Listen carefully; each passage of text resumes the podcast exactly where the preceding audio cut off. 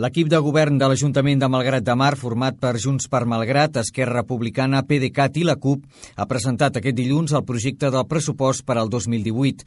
La principal inversió serà l'obertura de l'Avinguda Mediterrània i la seva connexió amb el carrer Sant Telm, que ascendeix a 1.200.000 euros. Benvinguts a l'Infovespre Comarcal. Infovespre Comarcal.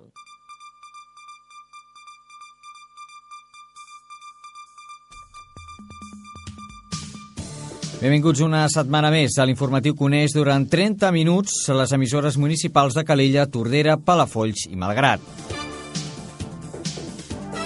Dilluns 18 de desembre de 2017. Avui, entre altres temes, parlarem de les activitats de la Marató de TV3 a les nostres poblacions. Més de 15.000 euros. Aquesta és la quantitat que s'ha recaptat a Calella després de fer moltes activitats a benefici de la Marató de TV3, enguany dedicades a la investigació de les malalties infeccioses. Un cop més, Tordera tampoc no ha fallat a la cita anual amb la Marató i donarà 3.024 euros a l'edició d'aquest 2017. El marcador ha tancat el programa de més de 15 hores de durada amb més de 7 milions d'euros. El telèfon per les donacions ja s'ha desactivat i a partir d'ara es podran fer a través del banc o directament per internet. A l'edició i locució, Joan Bosch, amb la col·laboració dels serveis informatius de Ràdio Tordera, Ona Malgrat, Ràdio Palafolls i Ràdio Calella Televisió. Benvinguts, comencem.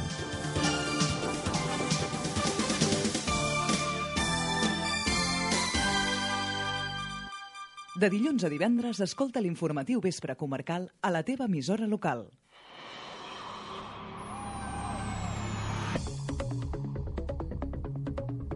Moment, tot seguit, com sempre, de repassar titulars.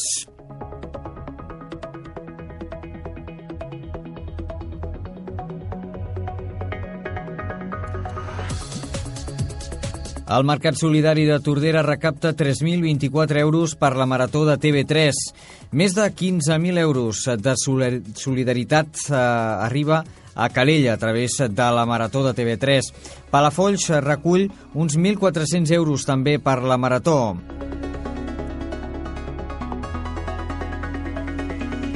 El govern quadripartit de Malgrat de Mar presenta el seu primer pressupost. Les entitats independentistes de Calella s'ofereixen a acompanyar votants en dificultats fins als col·legis electorals. L'Ajuntament de Palafolls aprova un pressupost de 10,3 milions d'euros per l'any vinent i l'Ajuntament de Tordera facilita l'ampliació de l'empresa Decotec. A la part final de l'informatiu d'avui parlarem dels resultats esportius eh, que ens arriben des de Calella. També parlarem dels resultats eh, que ens arriben també de Palafolls i també dels esportius eh, del cap de setmana pel que fa a Tordera. Pel que fa al temps, demà l'ambient serà assolellat a tota la comarca i durant tota la jornada no s'esperen precipitacions. Les temperatures baixaran en mínimes que aniran del 0 als 3 graus a l'interior del Maresme i entre els 4 i els 6 graus a la costa de la comarca. Les màximes oscil·laran entre els 8 i els 13 graus. Repassats titulars, com sempre, ara sí, entrem en matèria.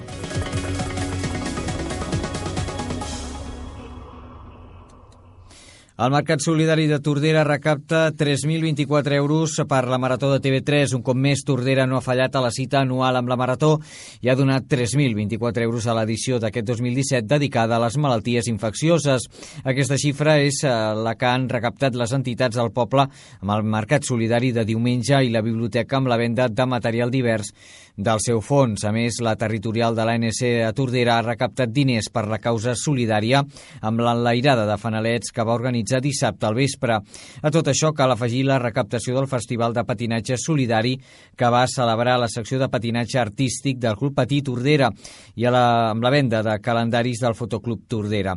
El marcador de la Marató a tancar el programa de més de 15 hores de durada amb més de 7 milions d'euros. El telèfon per les donacions ja s'ha desactivat activat i a partir d'ara es podran fer a través del banc o directament per internet. 15.001 euros com a 16 eh, cèntims eh, de solidaritat. Calallenca, aquesta ha estat la quantitat que s'ha recaptat a Calella després de fer moltes activitats a benefici de la Marató de TV3, enguany dedicada a la investigació de les malalties infeccioses. Cindy Rando, regidora de Solidaritat i Cooperació de l'Ajuntament de Calella, ha dit que els ha sorprès la quantitat recaptada perquè, tal i com està el país, no esperaven recaptar tants diners. Rando s'ha mostrat molt contenta per la solidaritat una vegada més eh, de la ciutadania de Calella, tot i que enguany no s'ha recaptat tant com l'any passat. Doncs sí, la veritat és que hem baixat una miqueta, però estem molt contents per aquests 15.001 euros amb 16 Uh, molt agraïts de la col·laboració de tota la ciutadania i, com sempre, doncs, donem les gràcies a tothom. Estem molt contents des de l'Ajuntament, doncs aquesta solidaritat, com sempre, demostrem que Calella un altre cop és solidària i seguirem, seguirem lluitant per la investigació. Per la seva banda, Miquel Martí, membre de Calella per la Marató, fa una valoració molt positiva per la quantitat recaptada, malgrat que s'han suspès diverses activitats. Molt positiva, no m'esperava el resultat que hem aconseguit, veient com anaven les coses i veient que s'havien anul·lat diverses actuacions i diverses coses, que el temps, el fred i tot això, però que ha sigut fantàstic. No m'esperava el resultat, no pensava arribar als 10.000 i els hem sobrepassat d'escreix.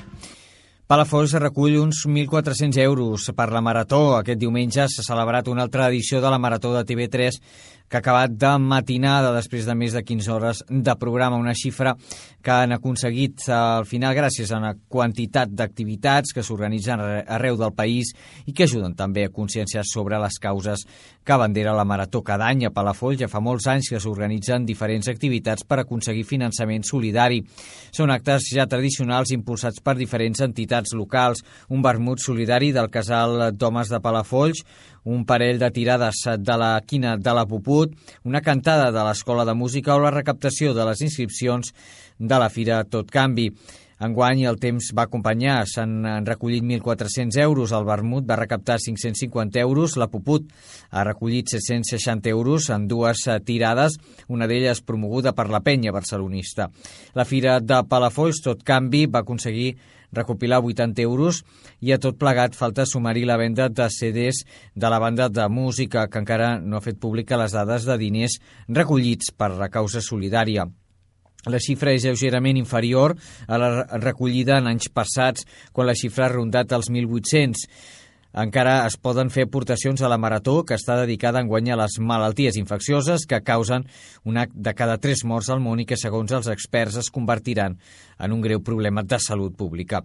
El marcador definitiu de la Marató no es tancarà fins ben entrat el 2018.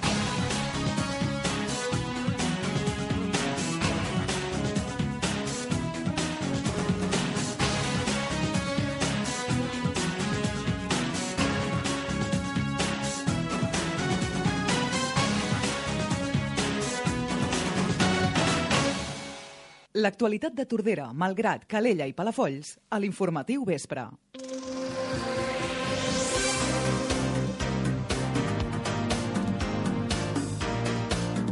Moment de la crònica del dia. El govern quatripartit de Malgrat de Mar presenta el seu primer pressupost. L'equip de govern de l'Ajuntament de Malgrat de Mar, format per Junts per Malgrat, Esquerra, PDeCAT i la CUP han presentat aquest dilluns el projecte de pressupost per al 2018. La principal inversió serà l'obertura de l'Avinguda Mediterrània i la seva connexió amb el carrer Sant Telm, que ascendeix a 1.200.000 euros. D'aquests, 180.000 seran autofinançament i la resta, 1.020.000 uh, d'endeutament, tot i que el consistori no demanarà cap crèdit. Hi ha prevista una ajuda de caixa de la Diputació de 175.000 euros, la resta, 845.000 euros, serà un préstec a través de la Diputació. Un projecte que es debatrà i s'aprovarà el proper divendres en sessió plenària i que puja als 20.208.025 euros. Aquesta xifra és molt similar a la de l'actual pressupost si es té en compte que enguany hi havia uns 600.000 euros aproximadament en contribucions especials que s'havien de destinar en reformes dels carrers és Sant Telm i Llibertat. És eh, una crònica que ens eh, porten des de Ona Malgrat, el nostre company Emili Pacheco. Durant la presentació, els membres del govern han destacat que es tracta d'un pressupost equilibrat, diuen, planificat i consensuat amb els tècnics de la casa en referència a l'Ajuntament. Així ho ha posat en valor l'alcaldessa Carme Ponsa. Sobretot jo crec que la frase que ens hem de quedar és que ha sigut que és un pressupost equilibrat i planificat, perquè realment tot el que, com a dir, la planificació ha estat feta d'abans. No és un pressupost que haguem fet d'avui per demà, sinó que, que l'hem estat treballant en projectes que creiem que es puguin que es podran portar a terme perquè vendre fum, doncs la veritat no, no ens interessava ni ens interessa perquè no és el nostre tarannà, sinó és de planificar i de fer les coses. La principal inversió serà l'obertura de l'Avinguda Mediterrània i la seva connexió amb el carrer Sant Elm, que ascendeix a 1.200.000 euros. D'aquests, 180.000 seran d'autofinançament i la resta 1.020.000 d'endeutament, tot i que el consistori no demanarà cap crèdit a entitat bancària. Hi ha prevista una ajuda de caixa de la Diputació de 175.000 euros i la resta, 845.000 euros, serà un préstec a través de la Diputació. L'altre gran projecte serà l'equipament polivalent, que rebrà una subvenció subvenció, que rep una subvenció a través de les meses de concertació de la Diputació de 805.000 euros. El regidor de Serveis Econòmics, Ramir Roger, ha destacat que el projecte de pressupost prioritza de forma global les necessitats bàsiques d'atenció a les persones. També vol afavorir, diu, que el clima polític sigui normalitzador del debat per tal d'arribar a consensos amb l'oposició i amb la ciutadania que podríem resumir doncs, amb la persecució d'una pràctica política que no tingués dèficits democràtics, que sigués allunyada de l'autoritarisme, el clientelisme i l'abús de poder. També volíem racionalitzar i fer òptima l'acció del govern eh, lluny d'accions improvisades i sempre intentant que els, els recursos públics no fossin malbaratats també doncs, pretenem establir un clima polític eh, tant entre el govern i l'oposició com també amb la ciutadania que sigui eh, normalitzadora del debat i que aquesta deliberació sigui ja una pràctica necessària per arribar a consensos pel que fa doncs, a les accions d'aquest govern en relació al municipi. Per la seva banda, el regidor d'Acció Social, Jofre Serret, ha subratllat que la partida econòmica destinada als serveis socials i promoció social s'incrementa més enllà del 19% previst inicialment al pressupost global d'atenció a les persones que és de 4.387.000 euros, ja que a principis d'any es demanen diferents subvencions per prestar aquest tipus de serveis. Sí que treballem amb un seguit de subvencions anuals que es demanen a principi de l'any que fan que ampliar el pressupost eh, de l'àrea de serveis socials i que per tant aquest 19% eh, quan tanquem l'any doncs creix de forma exponencial atès que és un servei que per una banda estem obligats a servir, a prestar i que per tant amb aquell contracte programa que tenim del Consell Comarcal doncs eh, dotem de serveis econòmics de la mateixa manera que a nivell d'inserció laboral tot el que fan els plans d'ocupació del SOC doncs, també permeten una ampliació d'aquest pressupost i per tant la destinació econòmica té, com deia, un increment important. En l'àmbit de l'educació es destinaran més recursos per oferir un casal d'estiu inclusiu per tal que tots els infants de la població, inclosos els que tenen alguna discapacitat, puguin gaudir del lleure durant el temps estival. La tercera tinent d'alcalde, Núria Casajoana, ha explicat la filosofia d'aquesta acció que passa per oferir igualtat entre tots els infants dotar de més recursos el que és el casal d'estiu. Eh, aquest estiu passat vam eh, introduir el casal inclusiu amb la contractació de personal eh, expert en això, educadors socials, amb eh, tractar no? i educar en el lleure a persones amb algunes eh, discapacitats per tant, el que no estava pressupostat en el pressupost de l'any eh, 2017, vam agafar i vam rascar d'altres llocs que molt solidàriament ens ho van deixar perquè, com ja hem dit, eh, s'ha de prioritzar les persones i la igualtat, sobretot de les persones i sobretot també dels infants, tractar-los a tots per igual. Per tant, creiem necessari que l'oferta del casal d'estiu, que és un servei donat directament per l'Ajuntament, havia de donar exemple d'aquesta igualtat. En aquest mateix apartat educatiu hi haurà també una reestructuració dels serveis que s'ofereixen als infants, com ara el projecte GR per tal que sigui transversal i que estigui més coordinat. El pressupost pel 2018 també contempla canvis en el projecte del Banc dels Aliments. En aquest sentit, es llogarà un espai per la distribució dels aliments per fer un supermercat per tal de dignificar la recollida d'aliments. Entre altres, també el pressupost inclou més diners per neteja viària o la instal·lació de jocs de fusta inclusius al parc de Can Campassó Sol. Infovespre comarcal. Seguim amb més informacions. Ara anem per una crònica que ens arriba des de Ràdio Calella Televisió parlant de les entitats independentistes de Calella i és que s'ofereixen a acompanyar votants amb dificultats fins als col·legis electorals. Una crònica d'Andrea Medina. Òmnium Cultural Montnegre i l'ANC Calella per la Independència han començat a fer difusió del servei de mobilitat que posaran en marxa per la jornada electoral de dijous 21 de desembre. Tenen el suport també del Comitè en Defensa de la República de Calella. Les persones que volen exercir el seu dret a vot però tenen dificultats per desplaçar-se fins al seu col·legi electoral podran trucar als telèfons de contacte de les persones voluntàries que s'ofereixen per acompanyar-les. La iniciativa és totalment gratuïta i han començat a fer-ne difusió penjant cartells en centres residencials i en espais de reunió i trobada on pensen que hi va més gent que pot necessitar la seva ajuda. Demanen contactar-hi quan abans millor per intentar organitzar-se de cara al 21 de desembre, encara que l'acompanyament en cotxe el faran durant tot el dia des de les 9 del matí fins les 8 del vespre. Aniran a recollir-los i els tornaran a casa o al lloc on ells diguin, ho ha explicat Jaume Planes, portaveu d'Òmnium Cultural Montnegre. Fem un servei de mobilitat per anar a votar, un servei gratuït, hi ha dos dos, dos telèfons de contacte i la, la, gent, la gent amb dificultats eh, pot trucar i serà atesa. Bàsicament per Calella, per Poble Nou, per la nostra àrea, diem d'influència, l'àrea d'influència de, de Calella. Els altres municipis, cada municipi s'ha d'organitzar. Són iniciatives que surten a, a determinats pobles i això ho ha de gestionar cada poble. En el cartell informatiu es recorda que cal portar el DNI i s'aconsella també la targeta del cens per confirmar el punt de votació. Jaume Planes ha explicat el perquè d'aquesta iniciativa. Perquè el dia 21 hi juguem molt. El nostre país s'hi juga molt, molt i no es pot perdre cap vot. Jo aniré a votar amb el llaç groc i potser em vesteixo de groc. I ahir vaig sortir en bicicleta vestit de groc. I l'altre dia vaig sortir amb un caiac groc. La Junta Electoral ha de prohibir a mi què? De què? És, és, és, és aquesta... Llenço missatges per generar por i per generar... No, no en tenim cap de por. No n'hem de tenir cap. El delegat del govern a Catalunya va ser qui aquest cap de setmana passat va explicar que la Junta Electoral Central podria impedir l'accés als col·legis de votants amb el llaç groc si considera que és un símbol partidista. Passem a Palafolls i és que l'Ajuntament d'aquesta població aprova un pressupost de 10,3 milions d'euros per l'any vinent. L'equip de govern va poder tirar endavant amb el vot contrari de l'oposició la seva proposta de pressupostos per l'Ajuntament, un document el que marca les polítiques per l'any vinent que s'apuja mig milió d'euros respecte a l'any passat i que compleix amb l'estabilitat pressupostària, la regla de la despesa i la sostenibilitat financera marcades per l'Estat.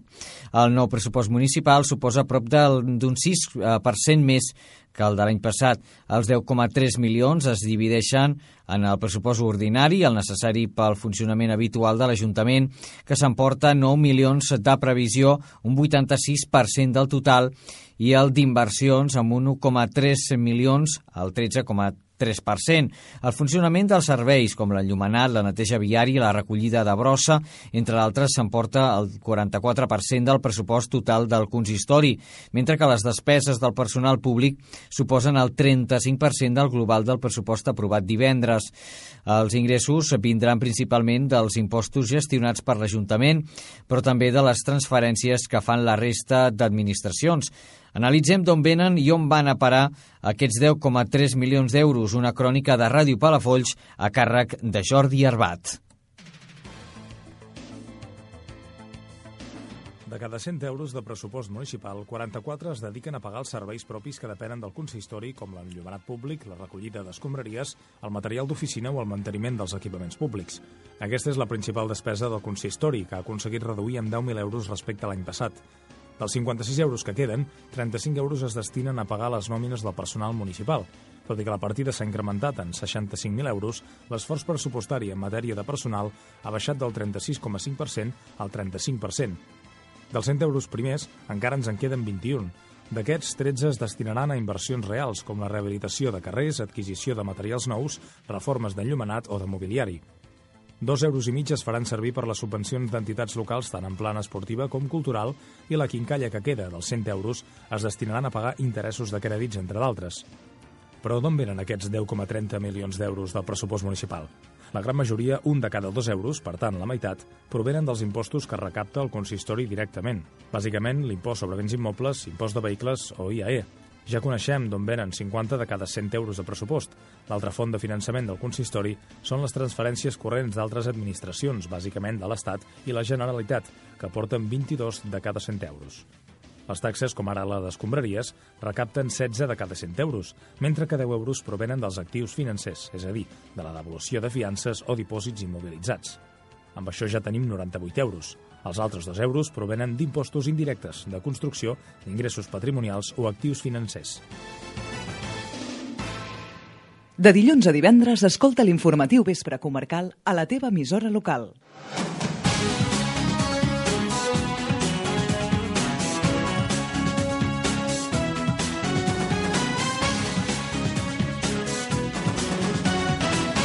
L'Ajuntament de Tordera aprova modificar el Pla General a la zona de Can Buscar Sud per facilitar l'ampliació de l'empresa Decotec. La planta torderenca ha estat comprada per la multinacional japonesa Topan i la seva voluntat és ampliar les instal·lacions a Tordera. Per dur-ho a terme s'ha de canviar l'ús d'un sol urbà municipal. Ho explicava l'alcalde de Tordera, Joan Carles Garcia eh, es fa la modificació del pla general canviant aquest sol d'equipament d'un costat a l'altre de la carretera amb la voluntat que Decotec Topan pugui créixer els propers mesos. Eh, no hi ha més que aquesta variació, s'haurà de fer una reparcel·lació nova i això permetrà doncs, que quedi ordenat definitivament i també permetrà doncs, que l'Ajuntament intervingui amb la venda del terreny que és municipal i que per tant eh, l'empresa Topan haurà de comprar. Per tant, doble benefici en aquest cas, una perquè la bona notícia és que una empresa de Tordera eh, amb capital japonès que vol créixer i la segona bona notícia, que és menor, és que un sol que és municipal també serà comprat per aquesta empresa i suposarà també uns ingressos a l'Ajuntament que en principi no estaven previstos. Tots els grups polítics municipals van votar favorablement a l'acord. Els partits van valorar l'impuls de l'activitat econòmica que tindrà la inversió i la creació de llocs de treball. Escoltem Xavier Martín del PP, Salvador Giral de Som, eh, de Som Rafa Delgado del Partit Socialista, Xavier Pla d'Esquerra Gent de Tordera i José Carlos Villaró, regidor no adscrit en els punts que, que tenen per objectiu facilitar l'activitat econòmica i votaré favorablement i més tenint en, en compte en aquest cas que més també doncs, pot permetre la venda de la parcel·la i per tant tenir aquests ingressos extra per, per l'Ajuntament afavorir que empreses importants com, com Teupan es puguin establir a Tordera sempre eh, és positiu i entenem que aquesta modificació té aquest objectiu. Eh, tot el sector de Can Buscar i, i la mina d'or fa molts anys que, que no avança i aquesta modificació que agrupa la superfície, tal, tal com ha explicat a en Joan Carles, el senyor alcalde, de sol industrial existent, pues, entenem que afavoreix i dona resposta a les necessitats d'aquesta empresa i d'empreses similars que necessiten aquest tipus d'espais amb aquestes característiques. Sí, nosaltres valorem molt positivament eh, que una empresa de nivell mundial doncs inverteixi a Tordera que vulgui ampliar la seva activitat perquè això implica més llocs de treball directes però també esperem que generi llocs de treballs indirectes que reactivin la vida econòmica de Tordera i per tant el nostre vot serà favorable. Aquest canvi de parcel·les que ha de permetre doncs, una forma racional i lògica doncs, poder doncs, ajuntar dues parcel·les i permetre a l'empresa privada tenir una instal·lació més gran i més eficient que l'ha de poder doncs, permetre competir amb l'entorn mundial eh, tal com és aquesta, aquest, aquesta multinacional japonesa d'una forma més eficient.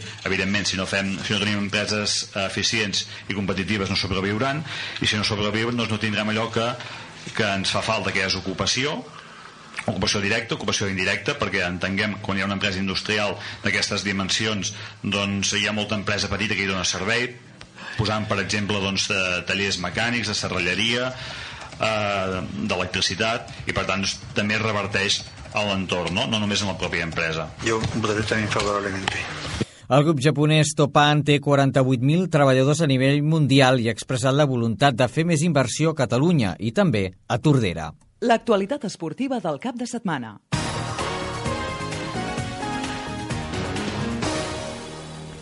Anem per l'actualitat esportiva. Tercera derrota seguida per les noies del Club Bàsquet Calella. Les d'Àlex Muñoz han perdut contra el Tordera 58 a 61. Un altre partit amb el resultat ajustat que s'escapa a les calellenques que havien guanyat els 10 eh, primers partits de Lliga porten tres derrotes seguides. En vòlei, les calellenques acaben l'any amb una nova derrota 3 a 2 a Canet. Tot i la derrota s'han mostrat satisfetes amb el joc. L'equip va afrontar aquest encontre amb baixes importants. En telis, eh, tenis taula, els calellencs han perdut 2 a 4 contra el Balaguer, els visitants es van avançar 0-2, però una reacció local va posar el 2 a 2 al marcador. El cinquè partit ha estat clau eh, ja que l'ha guanyat el Balaguer per petits detalls. El Club Futbol Calella perd un partit trepidant, els de Quique Gómez tanquen l'any amb una derrota de 3 a 5 contra l'Arenys. Els calellencs, després de fer-se el 0-1 en pròpia porta eh, s'han vingut avall. Això ho han aprofitat els visitants per arribar a la mitja part amb un 0-3 al marcador. A la represa els calallencs han marcat 3 gols, però els aranyencs han mantingut la diferència al marcador. Golejada de l'amater B i derrota de l'AM Futbol Sala al Palafolls, la represa dels eh, competidors de les competicions eh, futbolístiques d'aquest cap de setmana ha deixat un regust de boca molt diferent per la matera A i B del Club Deportiu Palafolls. El primer equip, que jugava fora de casa, va perdre per un contundent 3 a 0 contra el Sant Jaume de Llierca. El partit disputat dissabte a la tarda no va tenir gols a la primera part i no va ser fins al minut 52 que el Llierca va aconseguir encertar el marcador. El 2 a 0 va arribar en, eh, 12 minuts després al minut 64 i l'últim gol del partit va ser marcat 5 minuts abans del final amb un 3 a 0 definitiu. Una situació molt diferent és la que va viure l'amater B que eh, en el seu cas jugava a casa dissabte i on va imposar-se contra el Lloret per un contundent 5 a 1. Per altra banda, el partit previst per dissabte a les 5 de la tarda del juvenil A del Palafolls contra el Lloret finalment es va disputar. En el cas del futbol sala, el Sant Lluís A va perdre el dissabte a casa contra el Blanda Club Esportiu per un resultat de 8 a 10. Tot i que els locals van arribar a guanyar per 4 a 1 al minut 28 de partit, els visitants van saber mantenir un pols constant que els va portar a remuntar a l'empat a 4. A partir de llavors, i malgrat que el Sant Lluís va aconseguir tornar a avançar-se, altre cop fins a tenir dos gols de diferència. El Blanda va remuntar a un 8 a 7 contra, eh, en contra fins a guanyar per un definitiu 8 a 10. Aquest, eh, amb aquest resultat, el futbol sala eh, Sant Lluís és cinquè amb 20 punts. Acabem parlant de Tordera, i és que el sènior de l'Atlètic Club del Tordera Park va obrir la jornada esportiva del cap de setmana visitant la pista del Santa Susana.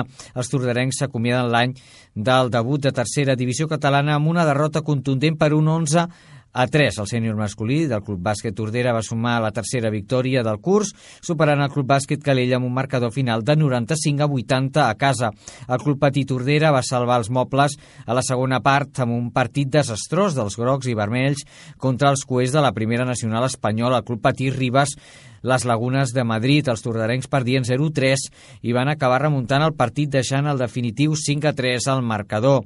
Es presenten unes festes nadalenques de reflexió per l'entitat. El, futbol, el futsal Tordera entrenava, eh, estrenava horari al pavelló dels Països Catalans diumenge al migdia i els tordarencs tampoc van poder superar els alcaldes de Maravella i van perdre per un 2 a 9.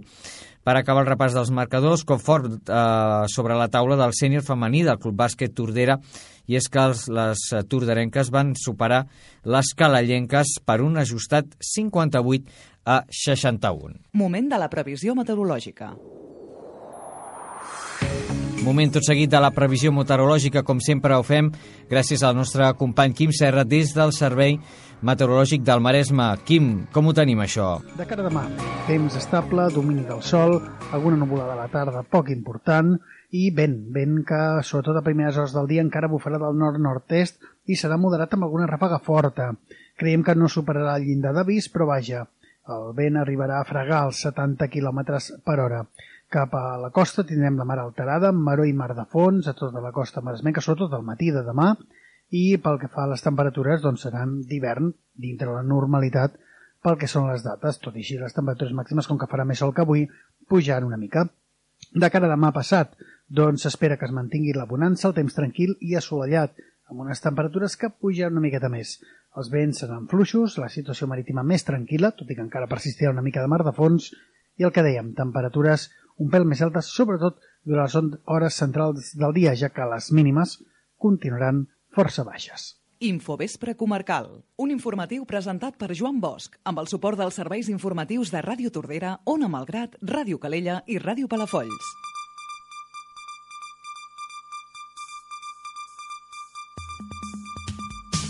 Doncs fins aquí l'infovespre comarcal d'aquest dilluns 18 de desembre a l'edició i locució Joan Bosch amb la col·laboració dels serveis informatius de Ràdio Tordera, una malgrat Ràdio Palafolls i Ràdio Calella Televisió. Demà ens retrobem a la teva sintonia, a la teva emissora local amb més notícies. Res més per la nostra part. A reveure. Adéu-siau.